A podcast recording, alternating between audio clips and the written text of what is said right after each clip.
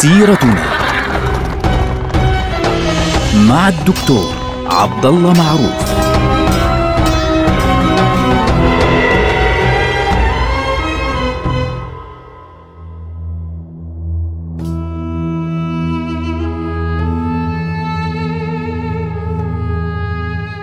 السلام عليكم ورحمة الله وبركاته. سيرتنا سيرة هذه الأمة العظيمة ونحن الآن في المرحلة المهمة الخطيرة مرحلة الحروب الصليبية. ونحن الآن نشهد يوما مؤلما مر على هذه الأمة يوم الحادي عشر من شوال من عام 569 للهجرة.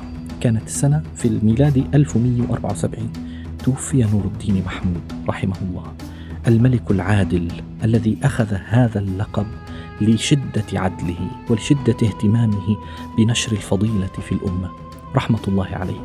طبعا دفن نور الدين محمود رحمه الله اولا في قلعة دمشق ثم نقل جثمانه بعد فترة إلى مدرسته النورية، المدرسة النورية هذه المدرسة بناها نور الدين رحمه الله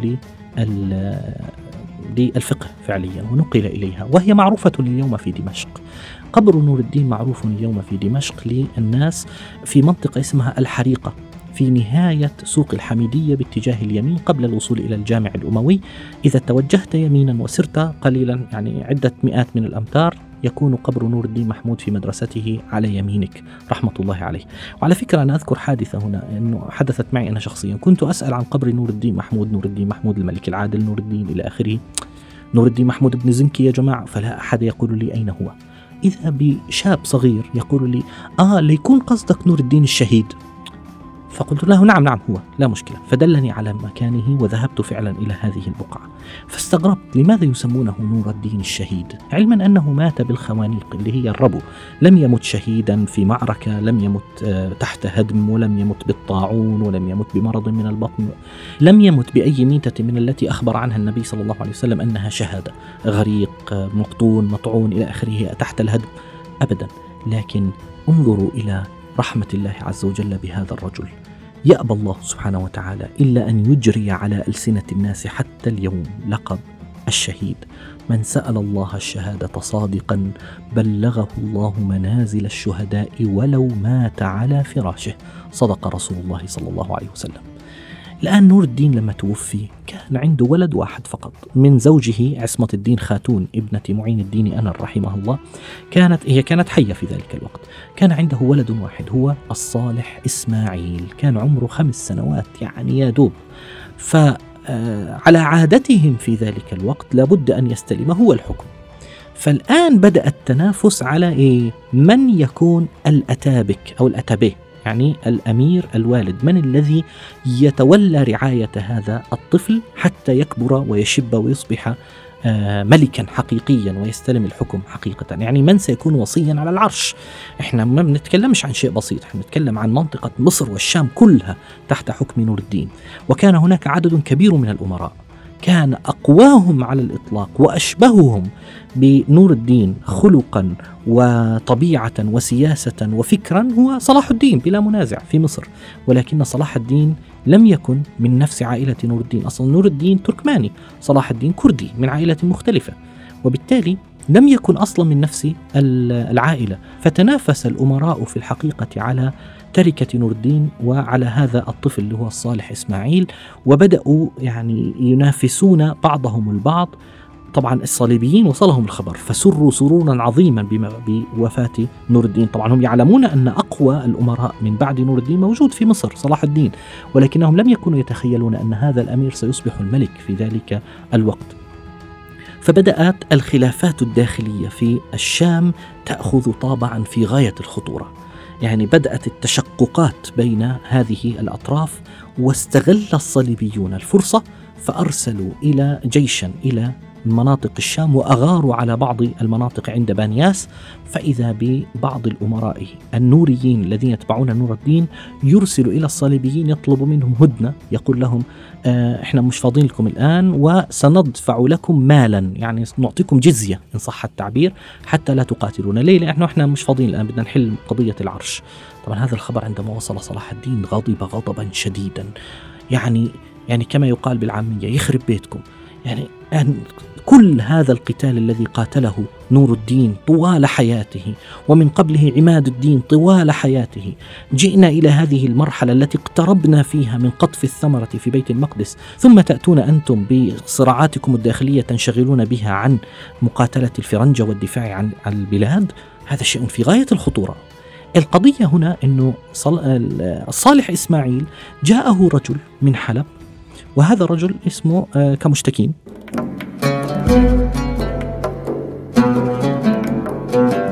وهذا كمشتكين ادعى أنه سيأخذ هذا الغلام ويحفظه في الحقيقة فأخذه بالفعل من دمشق وانتقل به إلى حلب وأعلن أنه هو الأمير الوالد الأتابي أو الأتابك الوصي على العرش وبدأ يتحكم في هذا الغلام في تلك المنطقة في آه، الشام في شمال الشام. طبعا هذا الكلام وصلت الأخبار به إلى أم آه، السلطان أو الملك اللي الآن أصبح ملكا الصالح إسماعيل. فكتبت إلى صلاح الدين. وبدأ الناس في دمشق يرسلون إلى صلاح الدين يقولون له أنقذنا. يكاد كل الذي بناه نور الدين ومن قبله عماد الدين يتهدم في لحظة بسبب الصراعات الداخلية والخلافات. فعند ذلك قرر صلاح الدين أن يلبي هذا النداء. لاحظوا إخواننا يعني صلاح الدين لم يتحرك حتى جاءه الطلب من الناس. ليه؟ ممكن واحد يجي يقول طب ليش ما يتحرك من البداية ويقول أنا الملك وانتهى الأمر؟ لا القضية ليست كذلك. القضية أن صلاح الدين كان يخشى أن يكون هناك دعاية سلبية أنه هو يطلب الملك ولكنه لا يطلب الملك كان يريد في الحقيقة أنه يثبت هذا الأمر اللي هو المشروع الذي بدأه آه، الزنكيون في تلك المرحلة. ولذلك عندما جاءته الكتب والرسائل قطع الأمر وقال لا بد من المسير إلى الشام وتحرك صلاح الدين باتجاه الشام وبعد أن استنجد أمراء دمشق به دخل صلاح الدين إلى الشام ووصل إلى دمشق في سنة 570 للهجرة 1174 نفس السنة التي أو بعد آه، عدة أشهر من وفاة آه، نور الدين محمود رحمه الله. وبالتالي هنا صلاح الدين نقل عاصمته إلى دمشق. وبدأ صلاح الدين سلسلة طويلة من العمل والمعارك والحروب. قصص طويلة يعني كانت متعبة متعبة جدا لصلاح الدين. تحرك صلاح الدين باتجاه حمص. انفصلت بعلبك انفصلت حماة. بدأت تنفصل كل المدن تقول أنا أنا أدخل تحت طاعة هذا الشخص الكردي اللي كان يعمل عند نور الدين. أبدا أنا لا أقبل به. طبعا هذا الكلام كان موجود يعني بعض الأمراء هؤلاء يعني كانوا موجودين من أيام ما استلم صلاح الدين الولاية في آه، أو الوزارة في آه، مصر. فبالتالي صاروا يقولون نحن لا نقبل بهذا الغلام إن صح التعبير أو هذا القائد الولد اللي كان عند نور الدين محمود وهو مجرد قائد من القادة ويستخفون بصلاح الدين. فبالتالي بدأت المناطق تنفصل واحدة تلو الأخرى. فاضطر صلاح الدين أن يبدأ مرحلة طويلة جدا من العمل. أخذت منه هاي المرحلة مرحلة ثمان سنوات حتى ثبت حكمه حقيقة. شيء كان مؤلم مؤلم حقيقة للأمة. إنه بمجرد ما يتوفى الملك تبدأ الأمور بالتداعي وتبدأ الأمور بالمشاكل وتبدأ الحروب الداخلية وتبدأ وتبدأ وتبدأ. يعني كان شيء مؤلم مؤلم ومتعب جدا.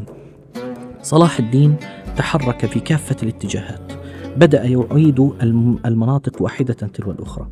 لم يتمكن بالفعل من ضم آخر مدينة يعني اللي هي مدينة حلب من حكمه إلا سنة 578 في تلك الفترة اللي هي ثمان سنوات من 570 إلى 578 الهجرة اضطر صلاح الدين إلى خوض عدد كبير من المعارك في منطقة حمص في منطقة بعلبك في المناطق المختلفة كاملة وتحرك وكان واحد من أكبر عمليات القتال التي اضطر إلى الدخول إليها عند حلب.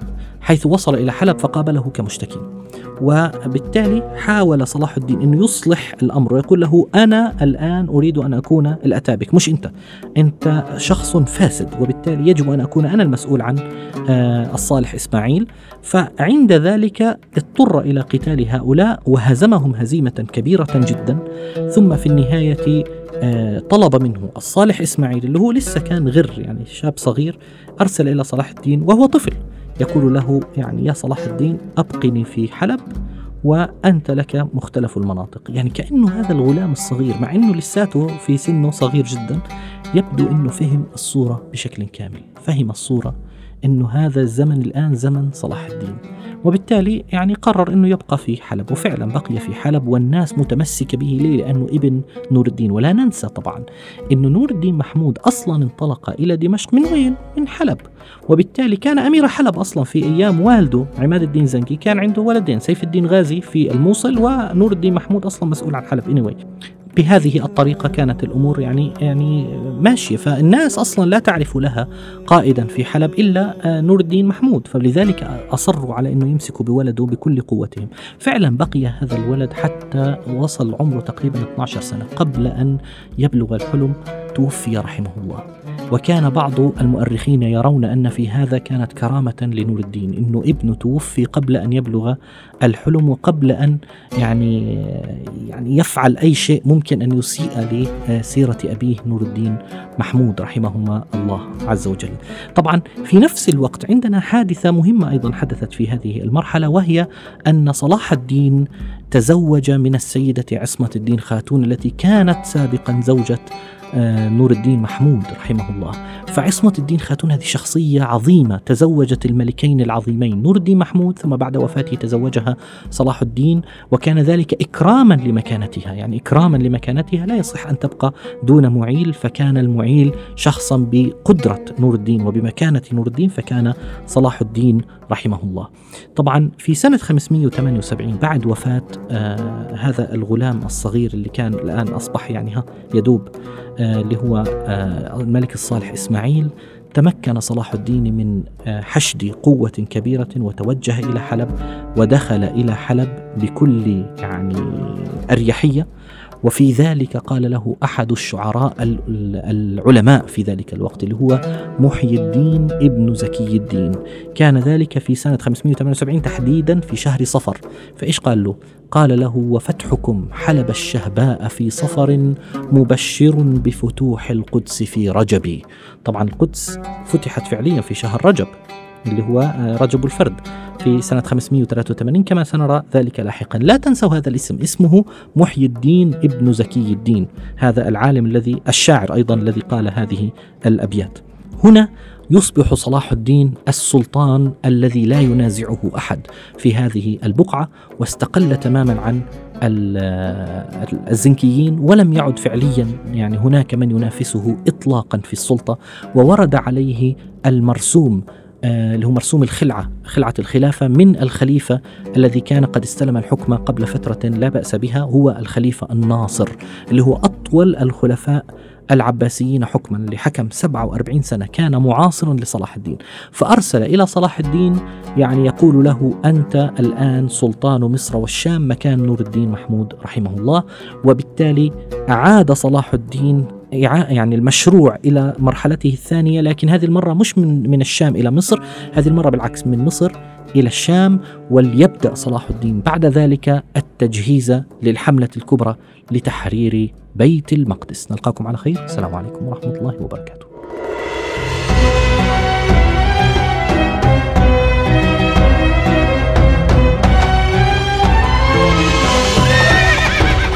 سيرتنا.